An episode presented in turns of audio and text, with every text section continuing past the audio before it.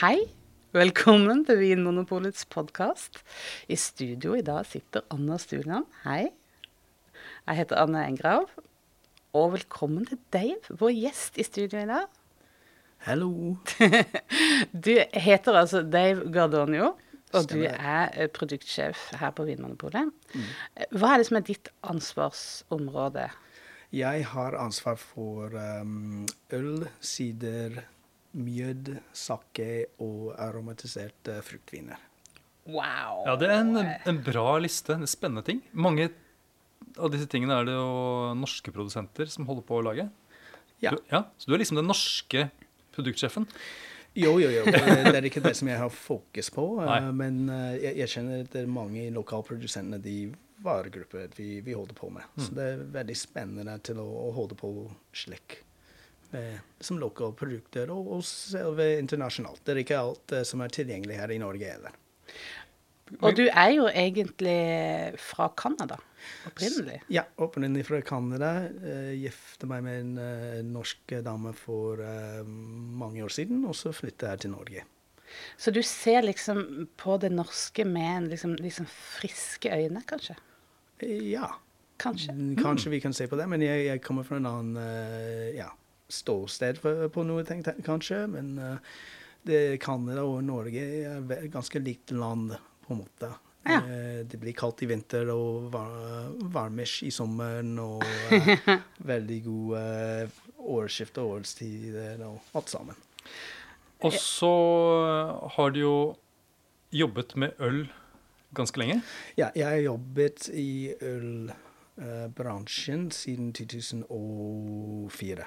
Um, også jobbet en del med destillerier i tillegg. Hmm. Så uh, mesteparten av den uh, bakgrunnen eller kunnskapen jeg kommer med, er fra en produksjonsbakgrunn i, i øl og brennevin. Nettopp. Så du har rett og slett brygget øl Ja, jeg er i stor en- skala. Jeg er en utdannet uh, mastersgrader uh, ølbrygger Hmm. og destillater. Ja, Så det handler ikke bare om sånn man brygger hjemme på kjøkkenet i sånne hjemmebrygg. Dette her er gigasvære tanker du har brygget. Stemmer det. Jeg, jeg hadde aldri vært på den uh, hjemmebryggersteg. Nei. Rett og slett. Jeg var utdannet som en uh, biokemiker først. Og så da hadde liksom hoppet rett inn på ølindustrien med en av de første jobbene jeg har fått da jeg var yngre. Som en labor laboratorant på et uh, storbryggeri. Det betyr at vi har veldig mye å snakke med deg om, Dave. Eh, men jeg tror vi må begrense oss denne episoden. Eh, har vi bestemt oss eh, for å eh, Etter eh, mange eh, samtaler, sånn eh, lunsj og i ganger og ved kaffemaskin, har vi bestemt oss for at denne episoden skal handle om historien om lager. Mm. Nærmere bestemt lyslager. Eller, lyslager ja, eller det som mange kaller for pils. Eh, eventuelt bare en halvliter. Stemmer. Ja. Eller øl. Eller, ja, eller bare rett og slett øl. Mm. Um, det er egentlig sjokkerende at vi ikke vi har laget en episode om denne øltypen før. For det er jo helt klart den vanligste øltypen i, i Norge. Fremdeles. Ja. verden rundt. Verden rundt. Ja, ja. Mm. Eh, Volummessig er det sikkert 90% av eh, øl produsert i verden Mm. et, av et slags pils eller uh, lyslagertype. Ja. 90% av ølet i universet, så vidt vi vet om, er lyslager. Ja, Ja. Det, den, den kan man si. Um, Ja, dette må vi jo ta på alvor. Mm. Og så er det sånn at eh, siden det er et sånt vanlig øl, så er det jo lett å tenke at det er et sånt øl som har vært der hele tiden. At det er liksom Ja. urølet. Men det er det jo ikke. Det er jo et ganske sånn i ølsammenheng ganske moderne øl. Så vi tenkte at vi skulle lage At vi skulle si litt om historien bak eh, lyslager, rett og slett. Ja. Og hvor er det vi skal begynne da, syns du, Dave? Da må vi selvfølgelig starte i Storbritannia. Ja, det høres, ja, jeg tenkte egentlig at Tyskland kanskje var stedet, men det er ikke det. Jo, eh, men det var ikke noe Tyskland på den tidspunkt at uh, pils var uh, rett og slett utviklet. Da var det mer Bavaria Uh, og uh, var det også Bohemia og Austria og Hungaria på den tidspunkt. Men det var, det var eh, England Ja. eh, på den tidspunkt. Og eh, man Rett og slett den historien om pils lyslager er, er historien om forbedring i maltkvalitet og maltingteknologi. Og den historien startet i Storbritannia. Ja. Og når snakker vi Når er liksom startpunktet her? Hvilket Um, omtrentlig, da? Det er noen ting som leder opp til det, på en måte. Um, det var England som var kanskje litt uh, de, de- var først ut med um, industri, The Industrial Revolution. Hvordan sier vi det på norsk? Det er uh, Ja, industrielle revolusjon, så det er veldig likt. Industriell eh, revolusjon, på en måte. Og de hadde startet med en uh, dampe, engine-dampemotor på en måte først. Uh, utviklet, så det blir veldig effektivt. Um, og så uh, hadde de også transport med seg. Så uh, de, de begynte å da ha behov til å produsere øl i stor kvantum i, i Bryggen-senteret. Og, og da blir det transport ut i, i hele verden. Så de hadde startet tidlig med, med, med porter, på en måte. Eller brun, eh, brun brown ale eh, mørkt øl-typer. Det var det som var eh, den mest industrielle produktet og enkleste til å gjøre først. Fordi hvis man må produsere Ja. Så de hadde på en måte allerede starta stor produksjon av porter og, og, og brunt øl Ja. for å frakte ut i verden? Ja, og den, den grunnen at øl var brun på den tidspunkt, var at de hadde, de hadde utviklet maltinteknologi til en punkt at de hadde realisert at hvis de um, etter innhøsting av malten, hvis de uh, bløtte det en periode, um, og da tørket det uh, igjen før brygging, så kunne de få bedre eh, ekstrakt eller mer sukkererter fra de, den uh, byggekorn. Mm. Og det, det var en veldig viktig konsept når man prater om maltingteknologi. Og når man prater om stor kvantum og en industriell skala, da var det behov til å tørke den beløttet korn etterpå. Og da, mest sannsynligvis brukte de en slags uh, um, brenningprosessen til å da uh, lage varmen og luftstrøm For å få tørka kornet, liksom? ja, til tørkekornet. Og hvis, uh, hvis de har brukt bare ved, så smaker det av den vedtypen og litt røykt og kan kunne lett brenne seg. Så da var det litt mer mørkt uh, eh, malt etter den tidspunkt. Men det var i um, også Det er derfor vi har fått litt som den porter-stilen som vi gjør det som uh, i, I den måten jeg kjenner til det. Men porter er jo ikke lager. Det er ikke lyslager, så nå må vi fortsette langs den historien her. Så, Ja. så eh, det var også de i Storbritannia som var eh, først ut til å tørke med um, en slags spesialkul som heter uh, coke, som jeg kjenner til det på engelsk. Så det er et Det er det som er koks på ja, kanskje det er koks, og det er det som er kul som Mm. er, man har uh, brennet der allerede til å fjerne olje fra det. Så når man brenner igjen den koks, så blir det ganske rent uh, uh, luft som kommer Ja, uh, ikke så mye røyk, rett og slett. ikke så mye røyk. Mm. Uh, så, så da begynte de til å, å uh, bruke og benytte den slags produkter til å få lysere farge og bedre ekstrakt og mindre røyksmak på uh, den, uh, den korn. Og så begynte de med, med en, um, bare et luftstrøm etter hvert som var varmet opp. Og da har de landet på den beste teknologi til å tørke ut bløttet uh, matkorn. Ah, altså ikke direkte varme, men varm luft? Indirekte varmen. Det var det som var uh, viktigste. Og hvor, eh, når er vi da sånn i Den, Hvilket tidspunkt Det har liksom utviklet seg og rundt liksom 1840-1850, tenker jeg. Nettopp. Så da eh, hadde Nei, det var enda før. Jeg tror det er liksom 1820. Ja, akkurat. Men Ja. tidlig på 1800-tallet så Mm. hadde plutselig disse større bryggeriene tilgang til malt som var ganske lyst og uten et sånt røykpreg. Ja. Det er litt rart å tenke på at eh, øl i virkelig gamle dager hadde liksom litt mer av dette preget av dette karamelliserte og røykaktige. Det var liksom det vanlige, kanskje? Ja, det var mest vanlig for de um, industrielle eller store virksomheter.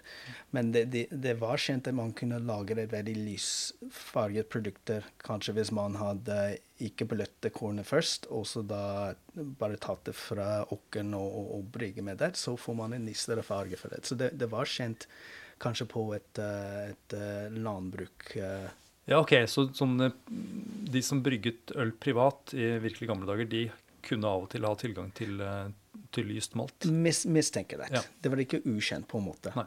Men når man hadde eh, kommet til store skala, og det var behov for mer korn, og man, må, uh, man hadde den tekniske utfordringen man måtte tørke et stort kvantum fort, um, så da, da, var det mer uh, mørkt mm. um, på den tidspunkt. Men da den utviklingen var at det var indirekte uh, lufting og, og, tørking. Også da, da den produktet som har kommet derfra, var, var det som vi kjenner som uh, pale ale. Ja. Nettopp. Så det var Så det var ikke blitt pils? Eller øllager? Nei, så, så, det første lyse ølet, det er egentlig pale ale? Ja. Mm. Så da, på den tidspunkt er det uh, ikke strågul i farge. Det er kanskje, det er kanskje litt, gra, litt grann, uh, grader om karamellisering fortsatt. Så da blir det litt som en oransje farge på det på det mm. tidspunkt. Men det var uh, mye lysere importer, også veldig blankt uh, den tids, for den tidspunkt.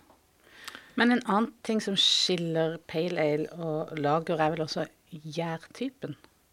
Stemmer det. det, det. Er det neste ledd i evolusjonen her? Eller? Ja, det er der de tyskerne og uh, sorry, de uh, bohemiske og uh, de fra Bavaria kom inn i, i, i, bildet. Ja, Det er da altså Bøhmen og, og Bayern sånn i, på norsk. På norsk. Oh, ja, ja jeg, bare, jeg, bare, skyter inn det. sånn at... Hva var de to igjen? Det var Bøhmen og Bayern. Bøhmen og Bayern. Ja. ja. Men du kan bare fortsette med å si det på den. Ja. Sånn som du vil. Jeg bare tenkte det. Tusen takk. Ja, jeg bare, Så det er altså eh, engelskmennene som eh, utvikler denne her tørketeknikken for å få det lyse maltet. Og så sier du at det er eh, Bayern, Bayern, Bayern München. Bayern München som, som kommer med gjæringskunnskapen, da? Er det, en slags sånn joint venture? Eh? Nei, de har stjålet teknologien, oh, ja. rett og slett. Mm. Og det er, ellers det er slik de liker å, å fortelle historien fra, fra, Bayern og uh, Bøven. At, at de, det var de som gikk på studietur til uh, Britene eller Storbritannia på den tidspunkt, ja.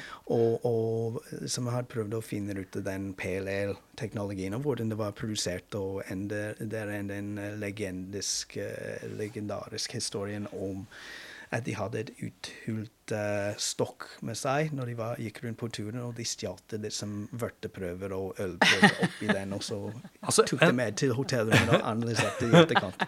En sånn stokk som man går uh, med, holder i hånda, liksom? Sånn, jo, jo, ja. Mm. ja. Med flosshatter og alt. Det, ja, ja. det er slik de gikk rundt på bryggeriet i, i, i, den tid. Jeg ville mye heller hatt en liten tank i en flaske i flosshatten. ja. Hadde vi kunnet reise tilbake i tid, Men, uh, så kunne vi tipsa om det.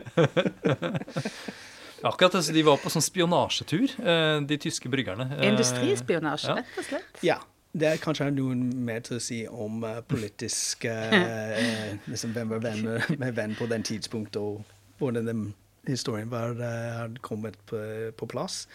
Men uh, de, de, var uh, på studieturer. De er lært fra, fra de britiske hvordan de eh, skulle få til veldig lysfarget uh, malt. Så da, i, um, da var det i, i liksom Austria-Hungaria, i, i, Vienna Det var den, den første liksom, lyslager som er historisk sett kommet ut i liksom 1850-1860-tallet. Akkurat. Det var en kjent historisk figur, eller bryggerimester, som heter Anton Dreher. Akkurat. Så uh, han er en av de historiske figurene. Også hver region hadde et uh, legendarisk uh, bryggerimester. Og det var også fra Bayern var det Gabriel Sedelmeier. Um, den eldre eller det yngre, jeg husker ikke hvilken det er. det var to av de. Ja. Og så var dette han Josef Grohl fra eh, Bohemia eller eh, Boven. Ja. Så, eh, men hva var det som var spesielt med disse ølene som disse gutta lagde, da, som gjorde at de ble legendariske? Ja, så, så da liksom hadde de begynt å, å koble sammen um, den malt, uh, lysfarge malt som ga veldig lys og lett, kanskje litt mindre søtt og lett smak til øl. Da var det kombinert med kaldt jarin.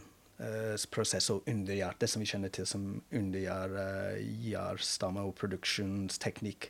Ja, som da ga en- ga mer ren smak. Ja, for det er det som er typisk for det som vi kaller for lagret øl, eller undergjæret øl, er at de gjærer ved en kjøligere temperatur. Ja, Ja. stemmer det. Og det var noe som tyskerne allerede gjorde.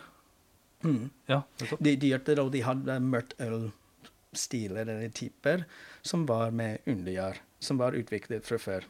Mm. Men da var de ute etter å få mye mer lett smak eller lysere farge på produktet. ja.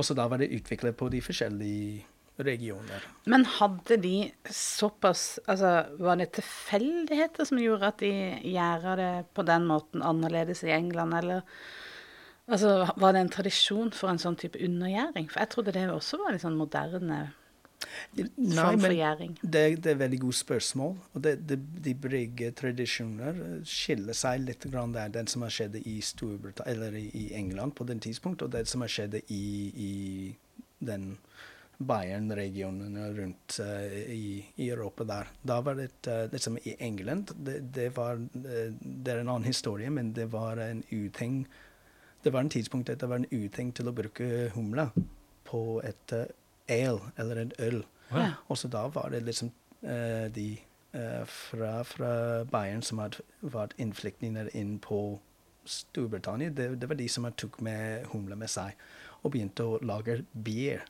Som Ja. er bier, eller uh, Ja. som er, da hadde skilt seg fra ale på den tidspunktet. Så da det, det er en hel historie om det, som jeg er ikke veldig god, godt kjent til. Men det er liksom uh, Så det, det viste seg at det var en, en slags uh, forskjell med den måten de hadde produsert. Men, men den, uh, de engelsk stilen var mer til å gjøre varmere.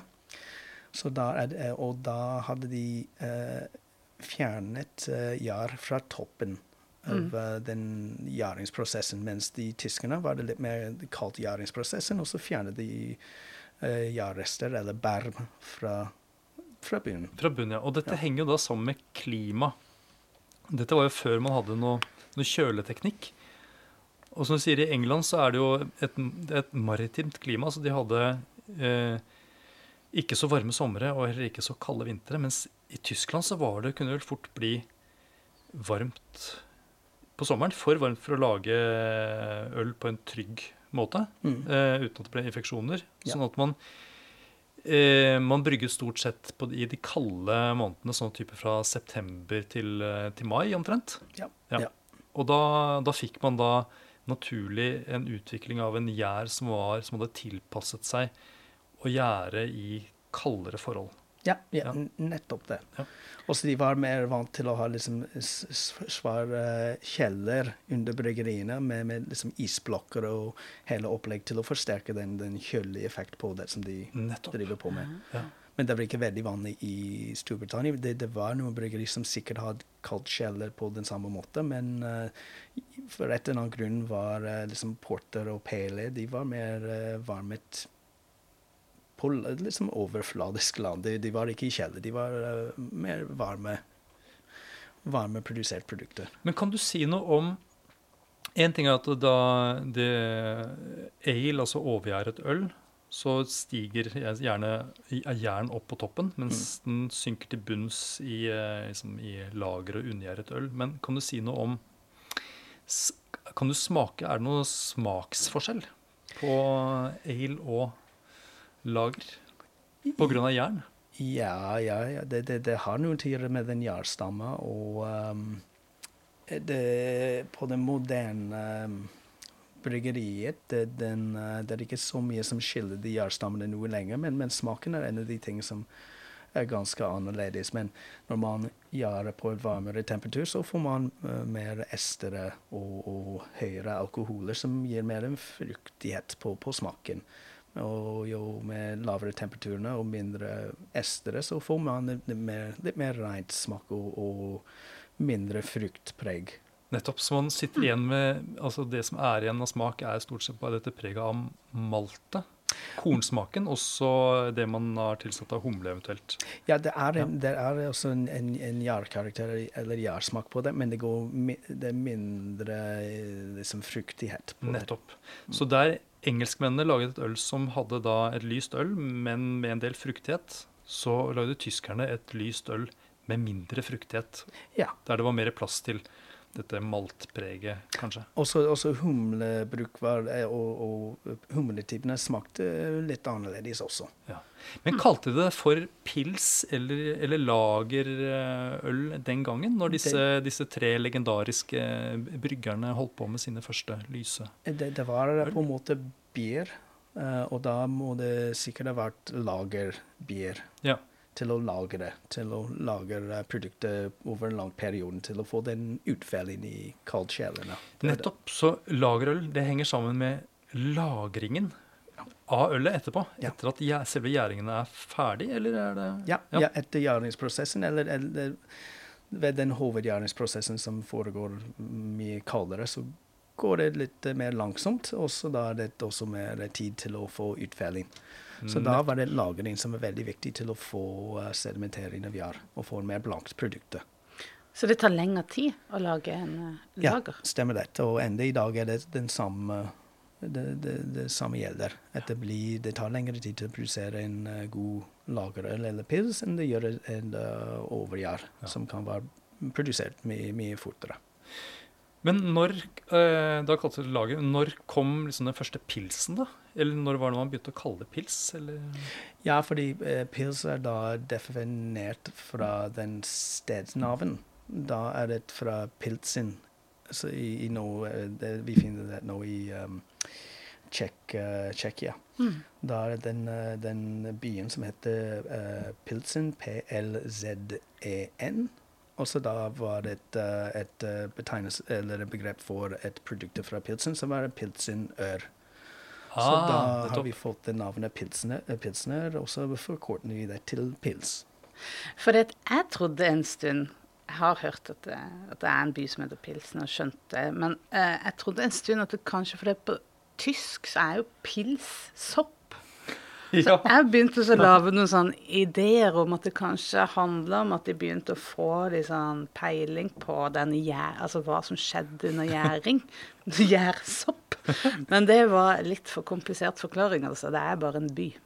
det er den enkle Det er veldig enkle forklaringer på den. Men, eh, men eh, den forståelse om IR kommer da litt senere med Louis Pasteur og Emil Christian Hansen i Danmark, f.eks. Ja. Men pils det henger da sammen med et, eh, en, en by. Og her i Norge så snakker man også om eh, en bayer. altså som en, Det er også en, en lagertype. Ja. Mm.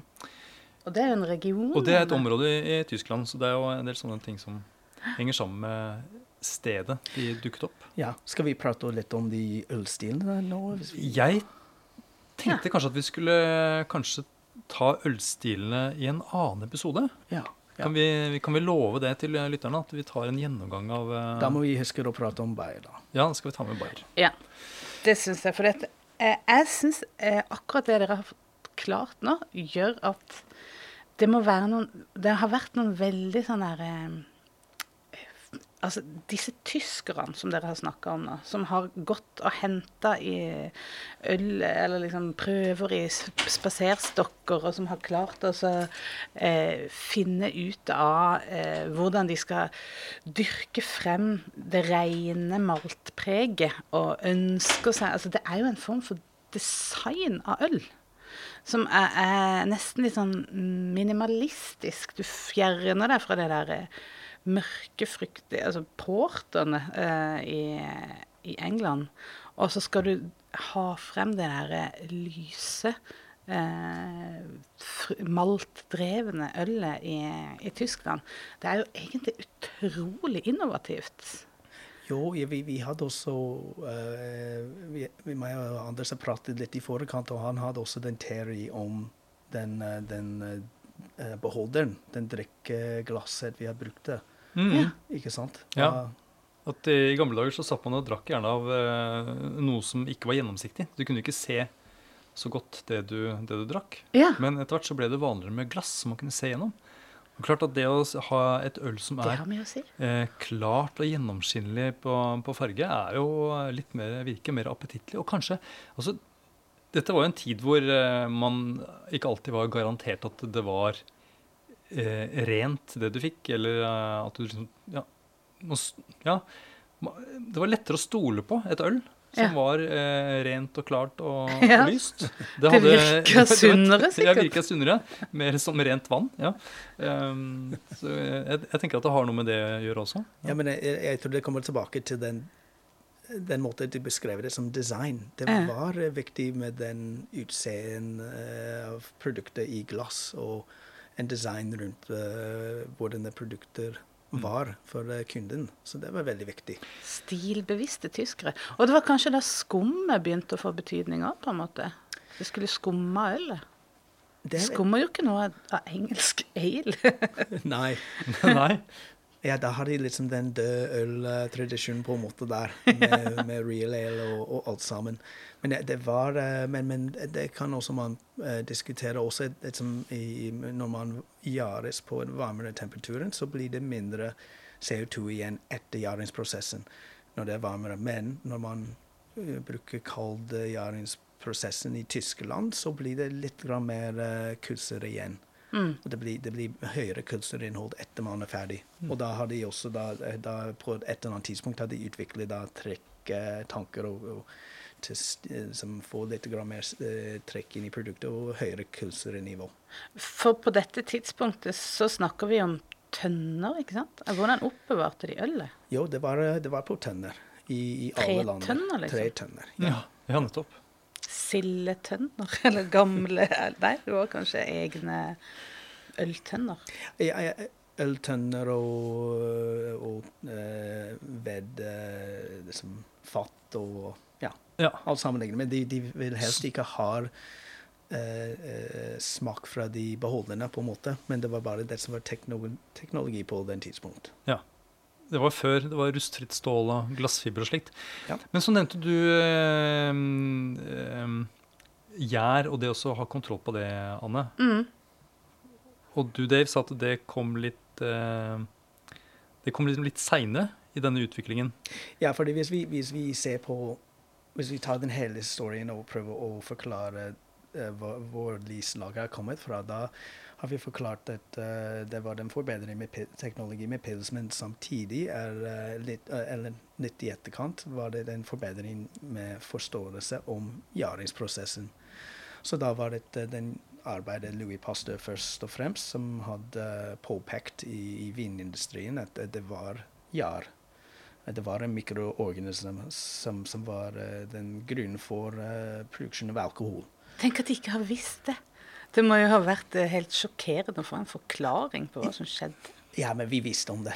Ja, du trodde det? Vi, vi, vi kalte det for uh, uh, barme, eller berme på, på Ah. norsk. Så det, vi visste at vi, hvis vi hadde berme etter Jarin, hadde, og den produktet hadde den batch av øl hadde god produkt, uh, smakskarakter på det, så kunne vi bruke den barme igjen og kaste den inn på nye vørter, og så kommer vi til å mest sannsynligvis få en annen god øl av det, og så enda mer berma vi kan bruke igjen. Det, det, det, det hadde vi skjønt, og vi hadde et, et eget ord på det, men det var Louis Pasteur som hadde definert at det var et mikroorganisme, og et startet mikrobiologi Ja. på den tidspunkt. Så da gikk den studiet litt videre og videre, og så hadde det kommet den, um, den dansken inn i bildet, han Emil Christian Hansen, som har, da etablert at hvis man bare beholder seg til et jarstamme, et spesifisk jartype, så kunne man få en veldig eh, fokusert eh, smaksbilde fra den uh, enkelte jarstamme. Så da var det et, eh, Da har det blitt eh, et, eh, et um, produksjonsmetodikk etterpå til bare å bruke en dedikert jarstamme til å produsere pils med. Så det er jo å fortsette disse her eh, tyskerne med spaserstokken sin idé om å få det der reine, eh, klare ølet, da. Ja. ja. Ingen overraskelser. Nei. Nei. Det skulle være et konsistent eh, Effektiv, produkt. Ja. rett frem, Ja. Et jarstamme. Få produktet ut, få produktet ut i, eh, og gjenta prosessen Mm. Så fort som mulig. Og dette var midten av 1800-tallet? Omtrent? Jo, det var litt Slutten av 1800-tallet. 18... Jeg tror det var Emil Christian Hansen var litt som 1880, på en måte. Ja. Han begynte å da uh, isolere de jærstammene, og så da selge Og så da hadde de etablert at de kunne selge det kommersielt til andre bryggeriene. Og han, pastør han var alltid ute etter eh, noe penger, han.